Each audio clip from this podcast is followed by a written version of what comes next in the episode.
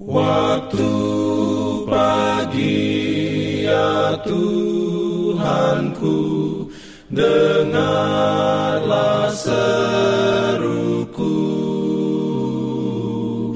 Melayang doa yang sungguh Memandang padamu. Selamat pagi pendengar Radio Advent Suara Pengharapan Mari mendengarkan suara Tuhan melalui tulisan pena inspirasi Yesus, nama di atas segala nama. Renungan harian 2 Maret 2024 dengan judul Orang Nazaret yang dianggap hina. Ayat inti diambil dari Lukas 17 ayat 25. Firman Tuhan berbunyi, tetapi ia harus menanggung banyak penderitaan dahulu dan ditolak oleh angkatan ini. Tuhan beroleh rahmatnya diberikannya perlindungan dalam pimpinannya Urayanya sebagai berikut. Kekayaan adalah kekuatan untuk berbuat baik ataupun berbuat jahat.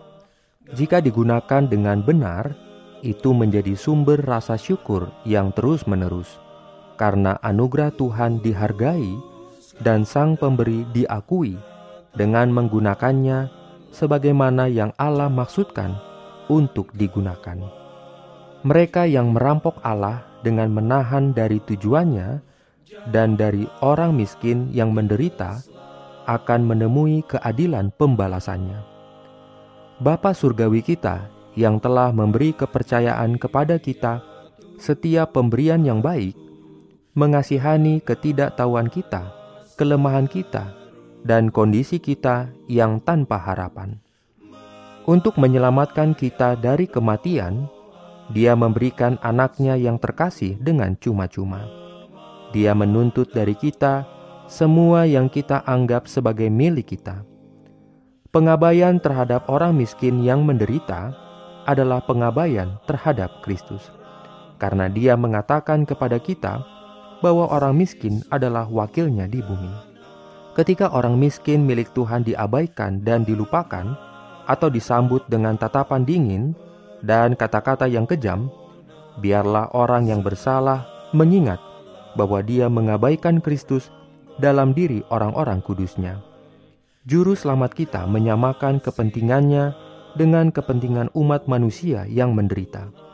Sebagaimana hati orang tua merindukan kasih dan kelembutan terhadap salah satu kawanan kecilnya yang menderita, demikian pula hati penebus kita bersimpati dengan anak-anak duniawinya yang paling miskin dan paling rendah. Dia telah menempatkan mereka di antara kita untuk membangkitkan di dalam hati kita kasih yang Dia rasakan terhadap yang menderita dan tertindas, dan Dia akan menjatuhkan penghakimannya atas siapa pun yang salah, meremehkan, atau melecehkan mereka. Mari kita pikirkan bahwa Yesus mengambil semua kesengsaraan dan kesedihan, kemiskinan, dan penderitaan pria dan wanita ke dalam hatinya sendiri dan menjadikan mereka bagian dari pengalamannya sendiri. Meskipun dia adalah pangeran kehidupan, dia tidak mengambil posisinya di antara orang-orang besar dan terhormat, tetapi dengan orang-orang hina, tertindas, dan menderita. Dia adalah orang Nazaret yang dianggap hina. Dia tidak punya tempat untuk meletakkan kepalanya ia menjadi miskin demi kita, agar kita melalui kemiskinannya menjadi kaya. Dia sekarang adalah raja kemuliaan, dan seandainya dia datang dengan mahkota keagungan, jutaan orang akan memberikan penghormatan kepadanya. Semua akan bersaing satu sama lain untuk menganugerahkan kehormatan kepadanya. Semua akan memohon untuk berada di hadiratnya sebuah kesempatan sekarang diberikan kepada kita untuk menyambut Kristus dalam pribadi orang-orang kudusnya. Renungkan lebih dalam bagi Anda. apakah yang dapat saya lakukan hari ini untuk meringankan penderitaan orang miskin di komunitas saya? Bagaimanakah saya dapat memotivasi orang lain untuk bergabung dengan saya dalam tindakan pelayanan ini? Diberikannya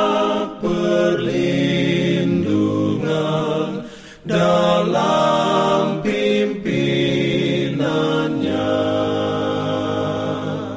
Pimpin Jangan lupa untuk melanjutkan bacaan Alkitab sedunia.